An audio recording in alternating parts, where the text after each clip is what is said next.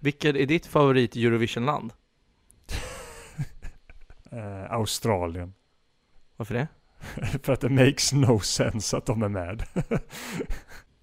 Jag har inget mer att ge dig på den frågan. Gillar du Eh, inte Eu- Eurovision? Alltså jag har ingenting emot det. Alltså, det är kul att det finns någonting för annat folk att... eh, det, jag vet ju att du tycker om det ganska mycket, men vad är det du gillar med det egentligen? Alltså, för att jag är nothing it, typ. Det gör mig absolut ingenting att det står på. Skulle det vara så att det är en mysig stund att titta på det skulle jag sätta på det, men det är ingenting jag skulle anpassa mitt liv efter i alla fall. Hur känner du för det? Vad skulle du anpassa ditt liv efter för några saker? En viktig, till exempel nu när det är NBA-slutspel eh, så följer jag Lakers i NBA-slutspelet och jag har gått upp klockan fyra om morgonen och tittat på det. Till mig sa du i helgen att du vaknar av dig själv klockan fyra på Ja, ja. Det gör jag ju. Och då går jag upp istället för att gå och lägga mig när Lakers spelar så tittar jag på matchen. Kan vi prata lite om det här? Att du, att du vaknar fyra på morgonen? Ja, det känns som det är något jag kan prata med psykolog i sådana fall om istället. Eller sömncoach eller något. Självhjälpspodden med Fredrik och Joel. Låt oss ta en öl får- och prata djupare. Då får vi väl ta en fyra öl till innan liksom eller något sånt här. För att jag är inte Det- riktigt där nu. Det är kul, alltså, det kommer, det kommer för några år sedan så här ölyoga. Tänk om det kommer nu öl eh, psykologi. Nej, vad heter det? Psykiatri. Ölpsykiatri. Vi kan vara någon som skapar. Jag tyckte du sa att det hade... Ja, jag tyckte öl-KBT vore ju grymt. Alltså där har vi nog någonting. Är det där det här ska typ mercha in i? För jag tyckte först du sa att det hade kommit någon typ så här Ja. grej att folk sitter och dricker öl typ som en bar. Jag såg det framför mig. Istället för att sätta dig i en stol och prata med en psykolog så sätter du bara dig som en, i en bar och så är du själv i ett rum med typ en bartender som antagligen är utbildad men men Ja. som ändå du sitter och bara snackar skit och så sitter du och dricker bira. Alltså på något sätt hade det fan känts bättre. Alltså tycker jag personligen att när man sitter i den stolen och pratar med någon liksom. Jag håller med. Jag ska inte bli långrandig nu. Så det sista jag vill säga om Eurovision innan vi kör igång det här. Ja. Och lite öl. För det känns som att varje gång jag nämner Eurovision så ser jag ditt behov av öl i blicken. Det är kanske det jag behöver för att liksom unna mig. En, Det är som en på, ett par, tre timmar. Ja, men lite så kanske. Men nej men det- är att man måste ta, man måste ta Eurovision ungefär så som man tar bandet eller personens skoter. Du känner skoter, har det fest, Ja, ja. how much is fish och så vidare. Tar man Eurovision eller skoter seriöst, då faller det. Men tar man det oseriöst och sen bara njuter av showen, då är det en höjdare. Sen, jag uppskattar mer att kolla på klipp efterhand, för jag tycker att Eurovision kan bli lite segt. Eh, Men, med då gillar sagt- du egentligen inte själva, då gillar du alltså musiken i sådana fall mer än att det är själva evenemanget. Men jag gillar allt som händer. Det var ju, det, det, det var ju, eh, Moldavien hade ju en dvärg som hoppade och spelade flöjt. Ja, Med en mask. Va, vart, vart kan du se det förutom Eurovision Joel? Ja, det är sant. Där det faktiskt också går igenom och det bara känns rätt på något sätt. Ja, alltså du har en poäng att nu, alltså det kanske var så när vi var yngre bara, bara att jag inte minns det, men det kändes ju mer seriöst. Jag minns ju när Charlotte, Charlotte, eh, Charlotte Perrelli var med. Hette hon så då? Hon hette väl något annat då kanske, men eh, typ man satt upp med familjen. Det kändes... Take me to heaven 99. Ja. Ja, bra, snyggt. Eh, Men då var jag ju typ 10 år. Men jag minns ju det att jag lik och la mig och mamma skulle väcka mig när hon sjöng liksom, för det tyckte jag var lite spännande. Eh, Och eh, på något sätt så kändes det mer seriöst då. Men det kanske det inte var. Jag tror lika seriöst nu, men nu, folk fick ju hela tiden differentiera sig från Ja.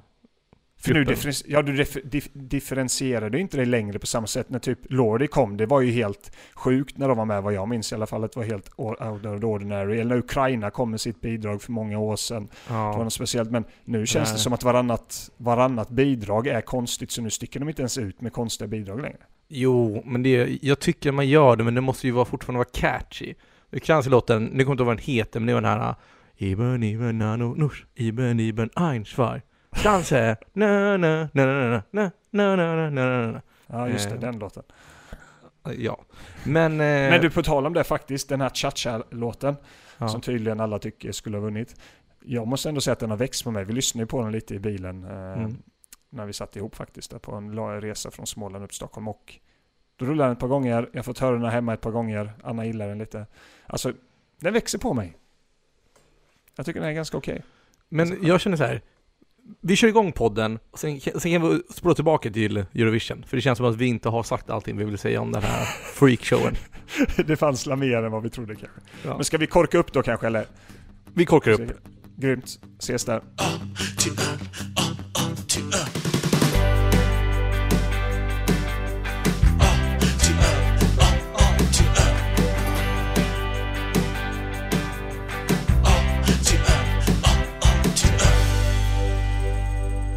Hej och välkommen till ännu ett avsnitt av podcasten A till öl. Här testar vi alla öl i Systembolagets fasta sortiment i bokstavsordningen A till öl. Nu sa jag som du brukar göra. Jag la till öl nu, det mind, mindblown av mig själv. Ja, kul. Ja. A till Ö i alla fall testar vi dem i den bokstavsordningen som man brukar kalla det. Och eh, jag heter Joel och med mig har jag Fredrik. Hur är läget med dig Fredrik? Det är bra här. Det är bra, tack. Tack som frågar, tack. Du känns som du bytte lite röst mot vad du hade innan. Nej, jag har precis jag har haft samma röst hela tiden skulle jag säga. Nej, det tycker jag absolut inte. Där, Så, nu är jag tillbaka. Hej! okej bra. Du kanske behöver en klunk öl direkt nästan. Ja, men jag känner det. Sa du vilken öl som vi hade? Nej, det är, det är du som gör. Jag tror, det är ju avsnitt 29 sa du va?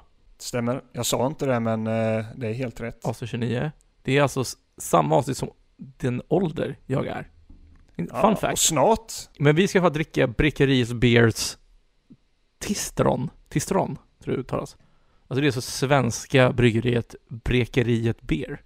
Som har gjort en suröl med, eh, eh, med svarta vinbär-inslag. den eh, är väldigt svarta vinbärig i färgen och jag, får jag säga det här att burken är ju nästan en favoritburk. Bara när jag tog tag i den i systemet. Alltså fy fan vad jag gillar den. Den är väldigt vacker. Alltså det känns som en vaxduk hos en Ja. gammal släkting på deras landställe. Ja det är helt otroligt tycker jag. Fast en modern sådan.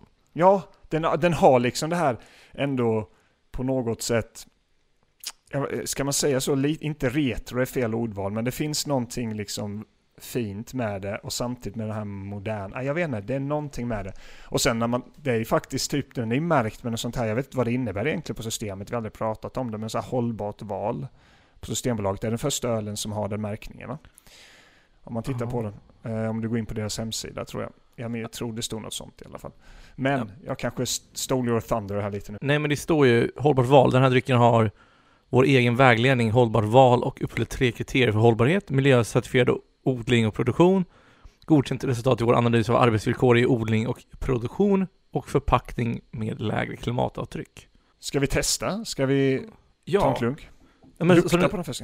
som du sa, det är ju väldigt, eh, alltså det, det, det ser ut som en, den är röd. Ja, den är, den är kanonröd. Men den är ändå lite ljusare röd än man hade kunnat tänka sig, tycker jag. Ja, alltså- här? Ja, den är ljusare för det, förra gången eh, när vi hade en sån här syrlig öl så var den ju betydligt mörkare då jag sa att jag tycker den var lite lik rött vin. En ljust rött vin. Den här är ju långt ifrån det faktiskt. Jag ska säga, det, det fanns ju, det fanns ju så här krämer, du vet jordgubbskräm som man kunde äta. Men tänk dig sån kräm fast med någon kräm som hade inslag av blåbär också.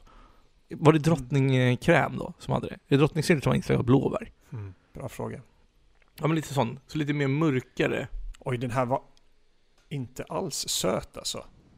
Men det är suröl. Jo, ja, men alltså det är verkligen, men det kan man kan ju känna, känna någon typ av sötma i det någon gång, men det var verkligen noll i den här. Ja, den har också väldigt låg sötma på Systembolaget. Sådana tre kategorier. Men eh, jag tycker man, man luktar ju verkligen gästen. Alltså det luktar ju som att du, när du smular ner den här eh, blöta färsk gästen när du, när du bakar. Den har, den har samma doft Ja. tycker jag, den första. Sant faktiskt. Jag köper ändå den. Mm. Eh, tyvärr så fanns, den här är ju, enligt ChatGPT så är den ganska ny, så det, jag hittade inte så jättemycket information om eh, humle, malt och, och liknande. Däremot så har jag hittat lite hur, vad som särskiljer suröl, Joel. Kommer du ihåg det? Vad menar du som är särskilt, är det bakteriebiten? Eller något Ja, sånt här? Ja men suröl skiljer sig från traditionella ales, eller lager, som vi framförallt haft många av. Ehm, och det är genom deras fermenteringsprocess. Just ja. Och för suröl in, eh, sin distinkta syrliga smak från vilda gäststammar eller bakterier. Och då så finns det massa exempel på bakterier. Jag vet inte exakt vad de här bakterierna betyder, men jag kan testa uttala en. Det är Lactobacillus, Pediococcus, Brettanomyces. Och, och, Snälla utveckla. nej, men, det- ja, men det är de här bakterierna som skapar syror och ger ölet dess syrlighet. Så det är ju bakterierna från gäststammarna som ger syrligheten. Medan vanlig ale och lageröl fermenteras med mer kontrollerade gäststammar. Och det resulterar i en mer förutsägbar och mindre syrlig profil. Hänger du med? Eller ska vi höra lite mer? Ja men du kan ju fördjupa det lite. Alltså det... Men... Hur... Jag hade en fråga Mm. David som jag tappade. Så fortsätt gärna. Den kanske kommer Mm. tillbaka till mig. Så, jäst är ju den avgörande ingrediensen i bryggprocessen för surölen. Och det är en sorts mikroorganism som konsumerar socker och producerar alkohol och koldioxid. Och det är ju grunden för all öl. Och det finns hundratals olika stammar av jäst. Varje stam ger olika smaker och aromer till ölen. De två mest vanliga typer av jäst som används i bryggprocessen är eh, Saccharomyces. S- Vissa, alltså, ingen kom- kommer kunna stava det här. Men får, ja, men, f- f- får jag Men- där- men- Ja, Och de görs för att göra ale och lager. Det är de två mest vanliga. okej. Har du en följdfråga? Ja, det var mer kopplat till, eh, jag är ju som vanligt kolla upp storyn lite. Och då Mm. pratar de om att de, att, det att de jäser sina öl med vildgäst. Ja men för suröl så används ofta vilda jäststammar och slash eller bakterier. Och två vanliga jäststammar är, eh, ja, några som jag nämnde innan. Och de, det är de som producerar de här olika mängderna smaker, inklusive eh, fruktiga, kryddiga, funkiga smaker. Och fermenteringsprocent börjar när jästen tillsätts i vörten, som är den sockerrika vätskan som produceras när malten mäskas. Okej? Mm. Mm. Är vi med så långt? Ja. Och gästerna äter sockret i vörten och producerar alkohol. Sen termen vild gäst eller vilda gäststammar. Det är, vad jag fattar som så är det alltså de som inte är de traditionella. Och eh, de, är, de domestikerade gäststammarna. Kan man se det som de politiska vildarna? ja, mycket journalistrugby för de här. Eh, nej men alltså, de här gäststammarna kommer från miljöer utanför bryggerier. Så som Okej. fruktträ eller till och med luften.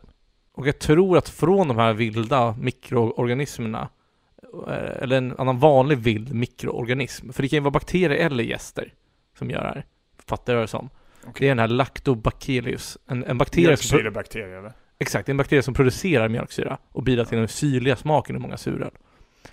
Och, och eh, tydligen med eh, termen vildgäst kan ge intrycket av att, att, att det är en okontrollerad eller slumpmässig process.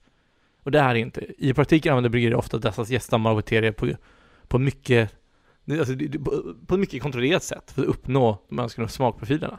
Okej, vi gör så här. Vi har ju snart suröl igen. Och då Ja, lovar jag vi- att bryta ja. ner ännu djupare. Men jag, känner att om vi bara ska sitta och gå ner från toppen av fannen till längst ner vad exakt varje Ja. begrepp betyder, så, så tror jag vi kommer tappa folk på vägen. Så vi håller till väldigt enkelt att, okej, men sammanfattat. Vilda gäststammar, inte Ja. traditionella gäster. Det är bakterier som ger syrligheten. Okej. Och i just den här som vi dricker så har man även tillsatt svartvinbär sent i processen. Ja, och det, man känner verkligen svartvinbären, om man säger så. Mm. Men ska vi ta några Mm. klunkar till att kanske Ja. faktiskt... Jag har en fråga till dig. Alltså, sen ba, eh, bakgrunden till frågan är ju nu att eh, vi var nere i Gislaved i Småland. För de som inte vet vad Gislaved är så är det min hemort där En liten ort på 10 000 invånare i, i Småland. En- Vilken, vilken stad är närmast eh, Gislaved? Jönköping eller Jönköping är nog sen Växjö skulle jag säga. Okej. Eh, Men eh, i alla fall, så min fråga, vi var ju där nu i helgen med några, några av våra närmsta vänner helt enkelt. Jag körde iväg mamma från huset, hon fick hälsa på lite släktingar i Växjö och sen så har vi någonting som heter Isaberg Activity Resort, eller Mountain Resort som det heter. De har ju skidbackar och sånt på vintern då, eller backarna står ju kvar även på sommaren. Men då åker man skidor men under sommaren och sånt så finns det allt möjligt. Från höghöjdsbanor, mountainbikes, discgolf, vanlig golf, eh, rodel. Allt möjligt finns att göra helt enkelt. Så vi spenderade ju torsdag till söndag helt enkelt nere i Gislaved med att vara i huset och grilla. Vi var ute på Isaberg, vi var ute och käkade lite i Gislaved också. Så min fråga till dig är, vad tycker du om Gislaved? Eh, Isaberg var jätteroligt. Gnosjö är också en personlig favorit.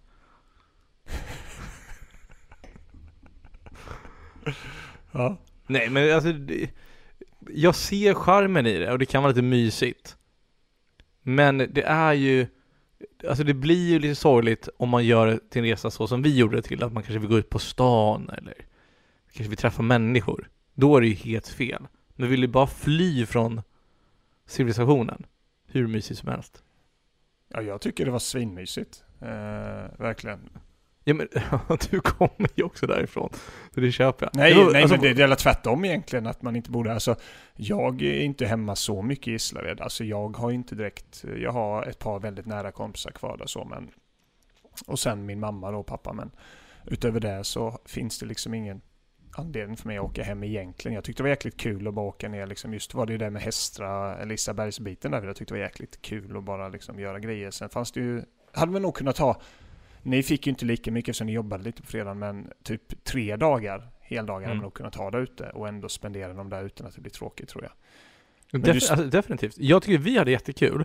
Men det blir också lite så här att när det är en lördagkväll och vi går till ett ganska schysst ställe och sen så har de 80 platser med fem gäster. Fast nu var det ju, nu tycker jag du undersäljer det. Nu var det ju faktiskt, eh, det var ju halvfullt när vi var där i alla fall. Nej men jag menar baren, inte... Jaha. Ja men där, det var ju mer på skämt. Vi gick in en halvtimme så gick vi därifrån. Okay. Så, att du, så fall du bedömer hela den, hela den vistelsen på den baren på en halvtimme på hela helgen så tycker jag det är lite orättvist mot Gislaved också om man säger så. Mm. Men Gislaved får tre av fem läner av mig. Tre av fem, det är ändå ja. godkänt. Mm. Det är ändå godkänt. Nej, men, alltså, jag hade jättekul på resa, det vill jag säga till. Men mm. det är svårt att bedöma, för jag jämför ju med till exempel Växjö där jag bott, i Göteborg där jag bott och Stockholm där jag bor i. Ja, och nu tycker jag inte du ska jämföra med att bo där, för bo där är, är ju inte roligt. Utan nu var det bara din vistelse den här helgen. För jag hade aldrig någonsin velat flytta tillbaka dit heller. Men det var ju kul att åka dit en helg och göra lite aktiviteter ja. som vi gjorde. Isaberg var ju, Isaberg menar jag, var, det var ju fem av fem. Det är ju toppenställe. Det är alltså, hade vi bara varit i Gislaved, då hade jag... Alltså du måste, jag klarar inte av att du säger Gislaved längre, jag orkar inte. Jag håller på att tappa det. Men då hade det sänkts lite, så det är Isaberg. Ja men självklart, det hade inte varit kul att bara sitta i huset heller i tre dagar. Det är klart det inte hade Nej. varit. Fast det var ju kul att spela lite spidminton och grejer också. Mm. Det var kul att testa paddel också där. Hur de paddel, har den där? Ja, vadå du ville det ja, men eh, du hade ju säkert fått med dig folk om du hade frågat lite mer. Jo men hade, vi hade inte tid. Nej. Nej men det jag menar, man hade mm. kunnat vara där säkert från onsdag kväll och sen ta mm. ledigt torsdag, fredag och vara ett söndag. Ja, och tyvärr missade vi ju Eurovision. Ja, men du tittade på alla låtar efter Anna då? Sa du? Ja, inte alla alla. Det är ju, Eurovision, det är lite för många som sjunger smörlåtar som är, är så här, eh, medioker, tråkiga. Det är det. Det är svårt. Alltså det finns ju eh, portugisen som vann, eh, vad var det? 2017, 2018? Portugal var inte så nyligen alltså? Ja, men det är en otrolig låt. Sen har Alexander Rybak gjort en cover på den också. Jag kommer inte ihåg vad den heter, men sök bara på Portugal Eurovision Winner. Absolut, jag gör det sen. Sen typ Nederländernas Arcade, den tycker inte jag är så bra, men det handlar mer om smak och tycke tror jag. Vilken vann 2018? Är inte allt smak och tycke eller? Alltså det finns ju Det finns ju låtar som är objektivt dåliga, skulle jag säga. Ja, eller? Ja, du menar då att de är alltså dåliga artister generellt liksom och... Nej men det är, menar... inte, alltså, det är inte bara utfört generellt. Okej. Okay. Det är för mediokert.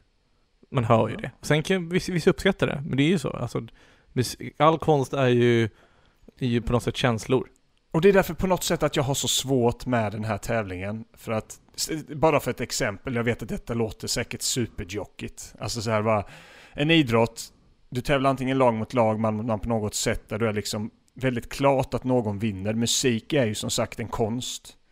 Det är ju på något sätt, det är så svårt att säga vad som är bäst. Alltså, även fast du i handboll till exempel har olika taktiker, på slut, i slutändan så är det ändå ett resultat på som är kopplat till din prestation som du som lag har påverkat, inte att någon annan har bestämt vem som ska vinna. Fattar du vad jag menar? Men är du emot alla eh, bedömnings idrotter. Simhopp, eh, konståkning, konstsimning, dans, alltså. Nej men det är som sagt att det här är ju faktiskt inte professionella musiktyckare som röstar heller utan det är folk som röstar och då är det ju som det kan bli, lite som vi har diskuterat, en popularitetstävling också. Ja, men det är väl därför de har jurysystemet, så det blir en blandning. Absolut, det köper jag också, men samtidigt så är det ju fortfarande mer till någons tycke, för domaren har fortfarande en domarbok man ska följa, sen gör den misstag. Precis som en Nej, men så, så är inte i, i, alltså alltid i simning, eh, konstsim och sådär. Du har ju, det finns ju beauty pageants också. Ja, ja, men jag sa ju inte beauty pageants. Heter det Jag vet inte. Jag hoppades på att det skulle flyga under radarn ja. sen när du härmade mig. Men du, du köper inte det alls eller? Alltså, grejen är, det jag var inne på innan, man ska inte ta det seriöst. Okej. Okay. Alltså, ba, om, om, ett land vinner så betyder det inte att det är en bättre låt.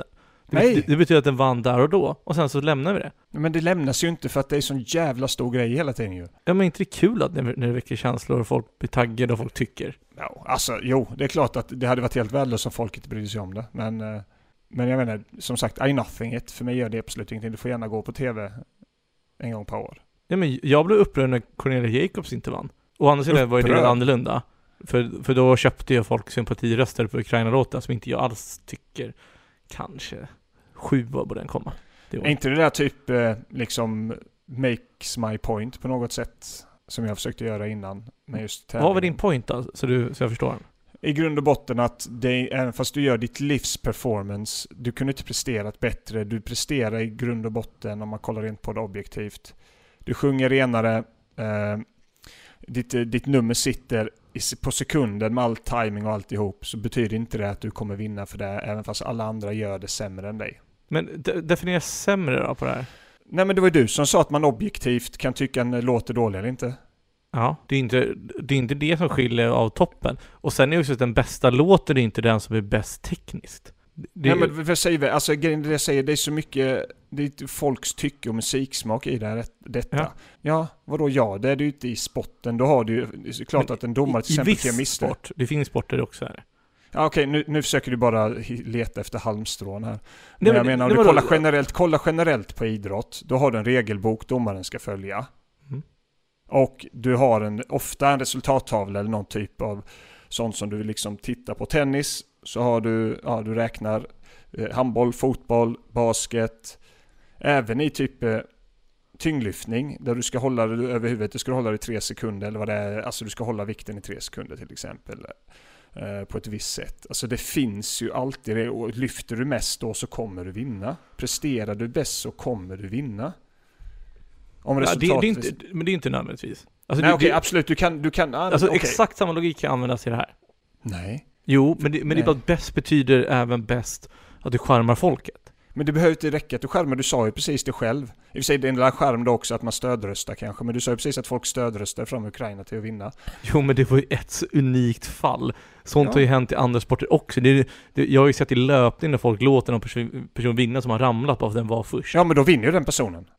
På exakt samma sätt! Nej! Nej för det är det är ingen annan... exakt samma nej. sätt som Ukraina vann nu, Nej, eller för det är inte någon jävla... Nej men det, vadå? Det sitter Vadå, vadå folk de hemma och vann den personen? Ja, de lät den vinna, nu lät Ukraina, nu lät folk Ukraina vinna.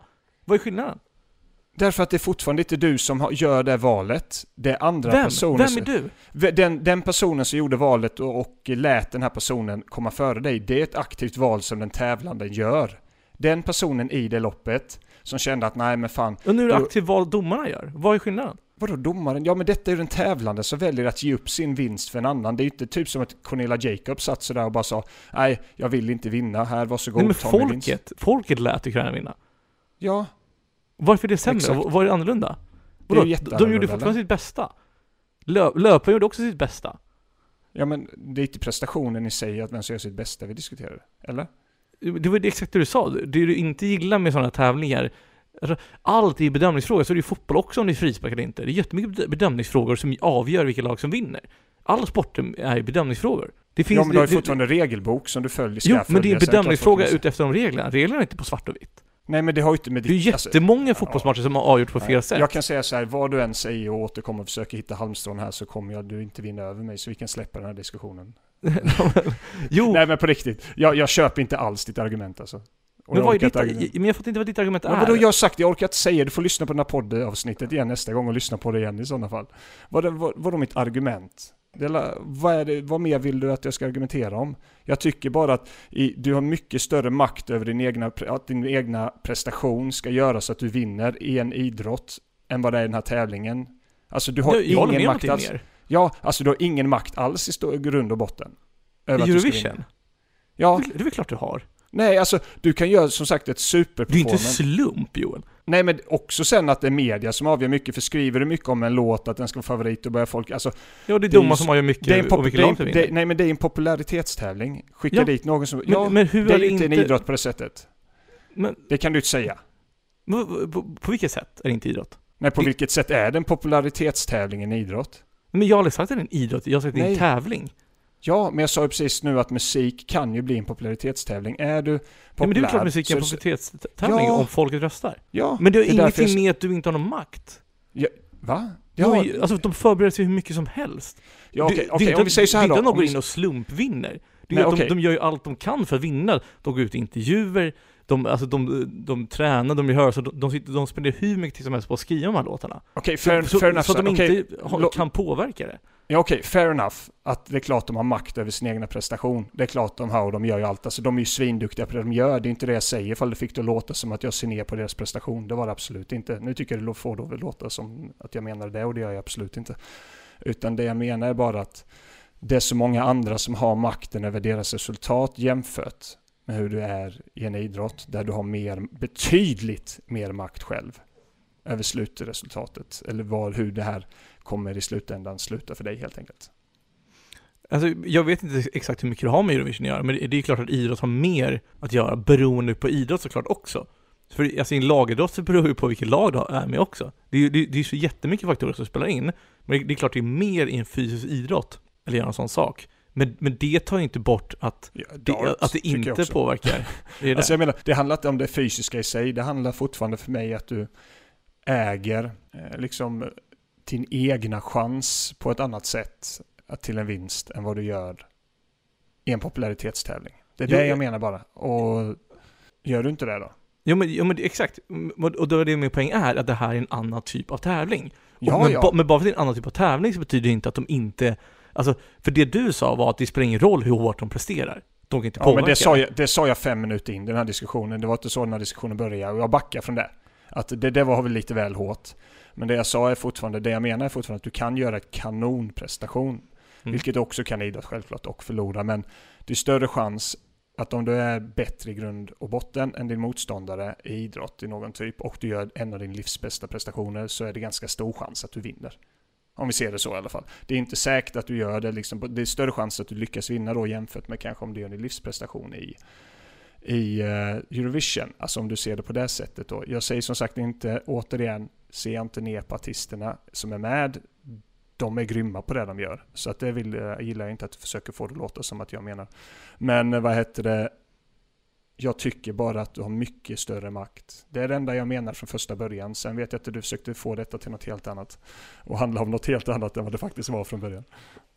Nej men, alltså, du, du börjar ju argumentera på ett konstigt sätt som jag inte förstod alls. För alltså, de bästa låtarna kommer ju alltid i topp tre. Tycker du ja? Ja, och uppenbarligen folket också, i och med att de kommer i topp tre. Nej, men, ja men vadå, alltså de bästa låtarna kom alltid topp tre. Alltså, Mm. tycker du ja? Mm. Och folket som röstar. Eh, Ja, per definition ja. Alltså det gör ju till min poäng igen då att då är det ju inte upp alls till artisterna då eller? Ja, det, det är inte alls upp till dem nu. Nej men inte slutresultat, alltså de, i sin prestation ja. Men det skulle kunna vara så att hela världen bara bestämde sig för att nej men fan vi hatar den personen idag, vi röstar inte på den. Så hade det kunnat vara i fotbollslag också. Om, Va? om dina tio andra lagkamrater bestämde sig för att inte du skulle vinna. Ja, men då är det fortfarande laget. ja och nu är Det är världen. fortfarande samma enhet, vadå? Det, nej, det, det, det, är sämsta samma princip fast i olika nivåer. Nej det är det ju inte. Jo, men du, du hittar ju på ett drömscenario. Nej, det gör jag inte. Du sa ju precis att en, Ukraina vann på grund Ja. av att, det var, för att de ville, ja, dela samma princip. Men det var ett specifikt fall som aldrig hänt någonsin tidigare. Nej, nej, jag bara sa att det har hänt nu för du tog upp det som exempel. Nej men det har ju garanterat hänt i annan idrott också. Att de har lagt sig för att någon ska vinna. Ja, det är klart de har lagt sig, men det är ju en annan sak. Jo, men det är skillnad i att det är olika nivåer. Du måste se helhetsbilden här. Du kan inte bara snöa in dig på det som passar ditt. Nej, jag var ju tvungen att snöa in mig nu för att du försöker sätta dit men Jag bara sa någonting som jag tyckte att jag kände och du gjorde det till årets diskussion. ja, men... Ja. Nej men du Eller? har ju fel. Det var ju det. Var ju det. Alltså, Nej, det enda jag backar på är att, eh, som sagt, att det är klart de kan påverka och påverka sin prestation otroligt mycket och de tränar och de är svinduktiga på det de gör. Det, så det, det backar jag på att jag liksom inte ville få dem att låta men som... Men varför finns det bettingar i sådana saker? Varför vinner alltid de som är högst odds? Om det bara är subjektivt och man kan inte veta vem som vinner. Så de med högst odds vann, vinner alltid. Ja men lägst odds då. Så Sorry. de med lägst vinner alltid. De, alltså någon av dem som har topp tre lägst odds vinner alltid ja. Mhm, Okej. Nej, jag vet inte vad det är med saken att göra. Det, alltså ingenting av det du säger Nej, har ju någonting med Nej, det jag din poäng verkar vara som att det bara är ett lotteri och man kan inte veta vem som vinner. När jag sa att, när jag sa att jag tycker att de bästa låtarna alltid kommer topp tre, sa du ja men hur kan vi veta det? Det är ju bara din subjektiva åsikt. Ja, men det jag säger är bara att där är ett, ännu en grej till att folk, alltså även media kan ju påverka hur folk tycker och tänker och röstar och sånt ju. Okej, men återigen, hur kan då oddsen veta vil- vilka som kommer bäst? Varför är det alltid de bästa låtarna som vinner? Ja men vad är de bästa låtarna? Är det de som då folk tycker är bäst generellt, de vinner dem? Eller är det för att, jag vet inte Fredrik- men bara att vi ens behöver ha den här diskussionen tycker jag bara bevisar att det är klart att den bästa, ifall en låt vinner för att den har fått flest röster, då tycker ju flest personer att den är bäst. Så är det ju. Men det, det har inte med min sak, poäng att göra, inte det minsta. Det är det jag säger är ju att du äger ju inte slutresultatet på samma sätt i en popularitetstävling slash musiktävling eller någonting om, som du gör om din prestation äger resultatet i en riktig tävling. Alltså en riktig tävling eller en sport. Nej, ja, sätt. alltså det är inte det Eller? du har sagt innan, om du säger det nu så håller jag med. Va? Det är ju det jag... Okej, i så fall så har jag uttryckt mig jättefel innan. Ja. Det är exakt det jag säger. Men det, det är klart man inte äger det på samma sätt. Det, är det skiljer till och med mellan sport och sport. Det är skillnad på fäktning och Ja, fotboll. ja, ja, ja, jag bara tycker att du har betydligt mer makt i idrott över slutresultatet helt enkelt. Det är det enda. Jag håller med. Okej. Ja, men det är inte det du har sagt. Jo. Nej. Ja, Hur, skitsamma. vad har jag sagt? Jo, alltså, det här får jag lyssna på igen sen annars, för det här det är exakt det jag menat. Hela tiden. Ja, menar kanske, men det är inte det du har sagt. Ska vi gå in på historien istället? Kör.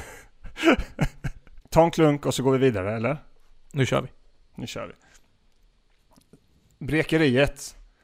Vet du varför det heter Brekeriet? Nej. Det är faktiskt så att eh, det är tre bröderna Ek är det som startade det här bryggeriet. Brekeriet. Så det är lite fyndigt. Så att det är Fredrik, Christian och André Ek som startade detta. Eh, 2010. Så de har lite olika bakgrund inom affärsliv och livsmedel och så. Och de bestämde sig då att starta ett ölimportföretag våren då under 2010. De hade ett mål redan från start att egentligen komma igång med ett eget bryggeri. Och det tog ungefär två år innan de drog igång med det. Så 2012 bryggde de sin första sats i Djurslöv utanför Malmö.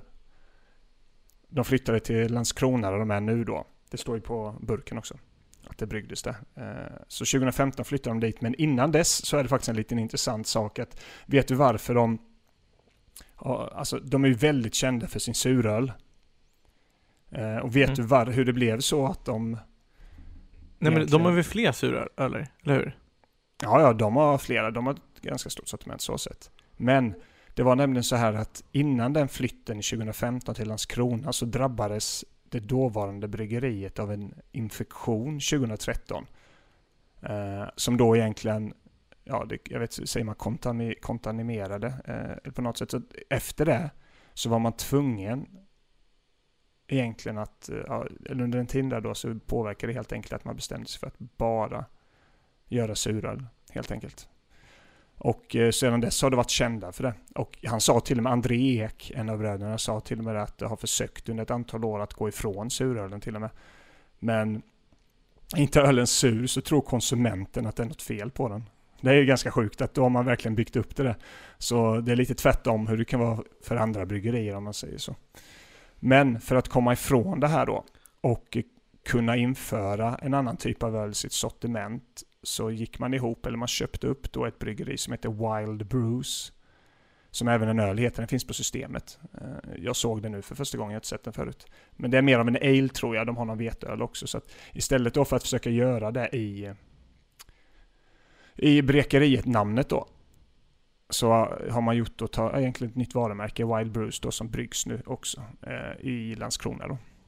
Och som du sa då helt enkelt det här med att de flesta öl som de, använder, ja, eh, som de brygger idag jäser med vildgäst och bakterier då. Så Är det, är det olika frukter eller delsmaker de har då? Som skiljer mellan dem? Eller vad är det som skiljer mellan ölen? Alltså det de säger är att eh, för att ytterligare förbättra smakupplevelsen så jäser de också sina öl sekundärt med bär, frukt eller vad de nu tycker typ är spännande att testa. Så de är ju lite så här sköna på det sättet eh, att de gillar att testa sig fram och de har stuckit ut lite också på olika sätt. Jag vet att i september 2014 så införde Systembolaget nya regler för typ lokala och småskaliga producenter eh, av öl, vin och sprit till exempel. Och det skulle, tanken var väl att man skulle få, göra det enklare för små producenter att ha möjlighet att nå ut till fler butiker med sina produkter. Men det var ju många mikrobryggerier runt om i landet som klagade på att det nya systemet var dyrt och krångligt. Och, eh, de, och då egentligen så valde Bräkeriet, de skapade en lite uppståndelse genom att dra sig helt ur det lokala sortimentet då. Och valde att satsa på export. Eh, så de drog sig ut systemet och helt enkelt för de fanns tydligen där redan innan dess. Mm. Men, eh, och försvann då ett par år innan man bestämde sig 2016 för att återigen ha produkterna på Systembolaget. Då. Så att några år där så var det som en liten strejk de gjorde. Under samma år, där 2014, som de drog sig ur då Systembolaget så var det faktiskt en man som heter Garrett Oliver som är någon amerikansk bryggare och ölförfattare från New York. Han har varit bryggmästare på Brooklyn Brewery. Och han gick då ut och sa att eh, Bräckeriet är ett av tre för tillfället mest intressanta bryggerierna i världen. Det är ganska coolt. Det är ett helt okej betyg. För en litet bryggeri i, i Landskrona. Och de vann också Årets ölutvecklare på Restauranggalan 2014. Liten fun fact sådär vid sidan av bara.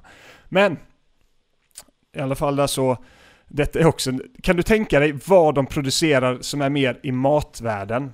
De Mm. producerar någonting annat som är kopplat lite till just mjölksyrebakterier och jäsning. Kan du tänka dig vad det är för en typ av Livsmedelsprodukt. Mer jäser man? livsmedelsprodukt? Är det Typ något- kimchi? Det där tittade du upp innan. Ja, jag, jag, alltså jag tänkte faktiskt se det själv. Åh vad coolt om jag gör kimchi. Och sen hann du fråga först. Okej, Ja, men det är faktiskt, det, det tycker jag är häftigt. Så att om, de har, jag gick in och tittade, man kan ju köpa kimchi då. Som följer samma bana som alla då bräckeriet-produkter. Med mikroorganismer i frukost säger de. Så De att, ju ja, sprit också. ja, ja, så att det är liksom, de har, vi, de destil, destillerar också vildjäst öl under varumärket Bräckeriet Distillery. Som lyser igenom, eh, så det, deras vilda smaker lyser igenom i spriten säger de. Och ger dem en extra dimension då. Åh, de, de verkar ha en saffransöl. En saffransöl. Det låter ju asgott. Lusselelle. Alltså jag gillar de här. Jag tycker de verkar coola. Ja. Jag- Alltså de har ganska mycket på Systembolagets sortiment, men jag Ja. tror det är alltid beställningsvaror förutom den här. Ja, den, den enda är fasta ja. De har jävligt schyssta flaskor, eller burkar. Mm. Men det- 490 spänn för en, eh, en halv liter sprit. Kostar, de ska dricka fint. Ja, det är pricey. Men du, du, har du någonting mer du vill tillägga om det fasta sortimentet på Systembolaget? Du var lite trött på det igår ju. Eller var det i morse? Ja, alltså vi hade ju en öl. För jag tänkte så här, ja men nu ska jag beställa några i förväg. Och så, så gick jag och kollade på Brickfield Brown. Som vi har. Mm. Och, och först så bara så gick jag in och ja men den ska jag beställa. Så, så trycker jag det. Så bara, nej men det går inte att beställa. Den, är, den finns inte online-lagret längre. Så jaha. Eh, ja det är skumt. Tänkte jag. Eh, Det tyckte Ja. du rätt i. Ja men exakt. Och sen så då, då, då kan kolla så okej men den kanske inte är med i fast, den är inte med i fasta sortiment längre. Så då gick in och på Systembolaget och kollade, inte bara vår lista. Och då var den, då var, då var den kvar där. Men det går inte att beställa den. Och den finns bara i en butik tror jag, just nu. I Nyköping city. Fyra stycken. Och det är lite synd, för din brown ale, den låter jättegod tycker jag. Det är Vart sa du att den fanns? Nyköping. Ska vi ta tåget ner? Ja, Kan vi inte hyra en bil? Och så åker vi ner och köper de sista fyra. Starta en Patreon. Fyll bilen. De hade bara fyra stycken, så det är inte... Nej, jag tänkte mer på fyll bensin eller typ så, som ett litet Jaha. smart sätt att, ja, skitsamma. Nej, så det är lite synd. Så den kommer nog ryka tror jag. Eh, Från Ja, det vår var lista. Det var ju synd faktiskt. Uh, Brewski Triple Berry Pie. Eh, men ska vi gå in på betyget eller? Ja, men det tycker jag. Vi har pratat så länge om Eurovision här nu så tiden drog iväg. det var tydligen ett betydligt mer engagerande ämne än vad vi trodde. Ja, men vad är ett avsnitt av A till öl utan hets och diskussioner? Nej, du hade inte varit A till öl. Tror jag. Nej, vad fan. Vi måste visa hur det är att få en snedfylla också. Det är tur vi inte satt jämte varandra idag. Tur Ja. vi körde det här Då digitalt. hade det flugit burkar på varandra. Ja, då hade det varit jobbigt. Men vill du börja med betyget kanske? Eh, ja, fan jag har inte alls tänkt på det. Vänta. Låt mig smaka en, en, en slurp. Ja, vi tappade lite fokus på ölen. Den är trevlig. Men den är inte supertrevlig. Den är okej. Bra trevlig. Mm. Alltså det är inte så mycket smak på den tycker jag. Så jag, jag nöjer mig nog på en stabil 3. En stabil 3. 3,5. Mm. Men vad väger du in i ditt betyg? Är det bara smaken nu då? Egentligen allt. Men eh, jag vet inte. Det, det känns inte rätt att dricka den här en vardagskväll när det varit lite mulet ute. Jag vet inte. Det, det, det passar inte riktigt in på det. Jag tror att den här också gör sig bättre till mat, kanske. Eller Jag tror jag läste någonstans Mm. aperitif eller någonting att den skulle passa som ja, det. ja, absolut. Det håller jag med om. Bra. Nej, jag vet inte. I, idag tre, men den kan komma höjas. Mm. Ja, eh, respekterar ditt betyg som vanligt.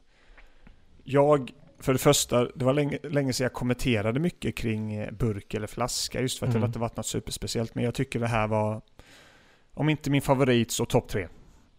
Av de ölen vi har druckit skulle jag vilja Ja, säga. verkligen. Håller med. Storyn i sig, jag tycker de verkar sköna. Det finns, även fast det är ganska ungt bryggeri, finns det mycket där. Det finns mycket själ i det. De brinner för detta, grabbarna Ek. De eh, har spännande öler, de testar. Den här förra Bone Creeken tycker jag var mycket var okej. Men jag tycker den var godare. Rent smakmässigt. Sen tycker jag kanske, lite som du säger att jag är lite trött idag, jag är lite sliten också, det har varit en grå dag. Ja. Det, det, hela, alltså den biten gör att det drar ner lite, men jag... Ah, jag tycker, nej. Jag gav fyra och en halva till Creek liksom och jag kommer ge denna en tre och en halva. Just egentligen smakmässigt tre, men jag tycker det är så mycket med den ändå. Designen på burken, historien i sig. Den här får en tre och en halva. Mm. Helt enkelt, tycker jag. Jag köper det. Och Untapped. Oj, det, det här känns som detta kan bli ett rekord för Untapped. 3,8. 3,32. Va? Ja. Jag är helt chockad. Jag med. Men det går inte att vara över 4 på Untapped. Nej.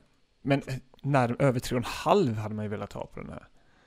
Okej, det finns vissa sjuka som har över. Högsta, högsta ölen har 4,77 och det är en 13-procentig brand stout.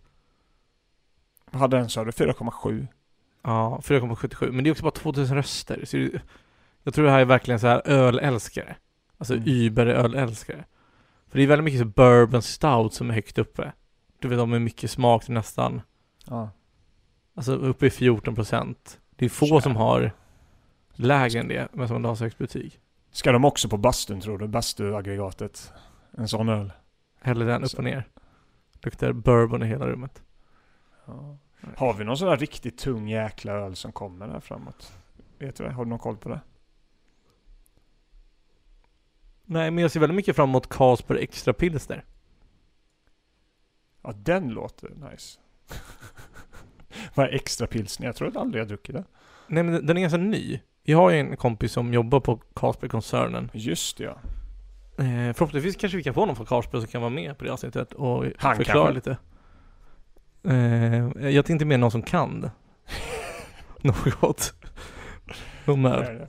Fair enough, det hade varit coolt faktiskt. Om de ville det. Extra Eh. pilsner Carlsberg här. Den, men den, okej faktiskt, den har jag sett. Men vi kommer ju snart kunna köra ett Brooklyn Super-avsnitt ju. Ja. Ja, det kommer också bli roligt. Visste du för övrigt att det är ett nya Carnegiebryggeriet som ligger här i Hammarbyhöjden? Mm. Att det är ett samarbete mellan Carlsberg och Brooklyn. Det kunde man ju se fan på. Alltså från start. Mm. Vad tycker du om det? Nej men jag har pratat lite med vår vän och jag ser att jag gillar nya Carnegiebryggeriet. Det är ju som en, alltså du du vet så som eh, vissa företag har showrooms i stan. Ja. De inte sälja någonting, de vill bara visa upp varorna. Det känns Mm. lite nya Carnegie. Det gör Mm. ingenting att de har lite, alltså de kanske inte går plus på allting men de har många roliga öl. Och jag tycker det är skö- skön kvalitet på många av dem. Så det gör inte dig någonting att Carlsberg äger dem då? Nej men det är ju, nej, inte, inte i det här fallet. Kapitalismen har köpt mig. Beloppet säger jag inte. Kul! Välkommen till den här sidan. Alla, alla har sitt pris. Så är det. det är kul att höra. Vilken är nästa veckas öl då Joel? Nästa veckas öl är en Brewdog, Brewdog Punk IPA. Så det blir ju spännande. De har ju varit lite kontroversiella generellt. Det var ju de som det- sponsrade Qatar. Eh, Efter att ha sagt sen- att de inte ville sponsra Qatar. Ja, så att där, där kommer vi komma in på en hel del också säkert. Eh, olika typer av, och det kanske, jag vet inte, där tycker vi nog ganska mycket samma tror jag om det här. Eh, vi kan se, vi kan säkert vara oeniga om andra saker dock. Antagligen inte. Nästa avsnitt tror jag vi kommer vara överens. Tror du det? Ja, det, Ja, jag tror det. det vore kul. Vi kom väldigt bra överens i helgen så det känns som att vi behövde den här avdunstningen lite tror jag. Ja, men du hade ju fel. Nej jag skojar. Ja, lek inte med elden nu. Nej, Nu tar det aldrig slut. Men ska vi skåla där och eh, slå upp i den sista surölen? Det är, det är inte så mycket kvar här nu faktiskt, för den var god den här. Den var väldigt god. Skål och Skål! En helt vanlig dag, vi var ute på stan Vi chillade runt på Avenyn och vi var snygga som fan Men vad fan gjorde det? Vi var fattiga som as Vi hade inga pengar, man kan säga det var knas Borde ta tag i saken och skaffa lite cash Men det är fan så mycket lättare att ta sig en bärs För den är kall, den är god och den slinker ner Och får du slut på den du har så visst beställer vi fler Bärselit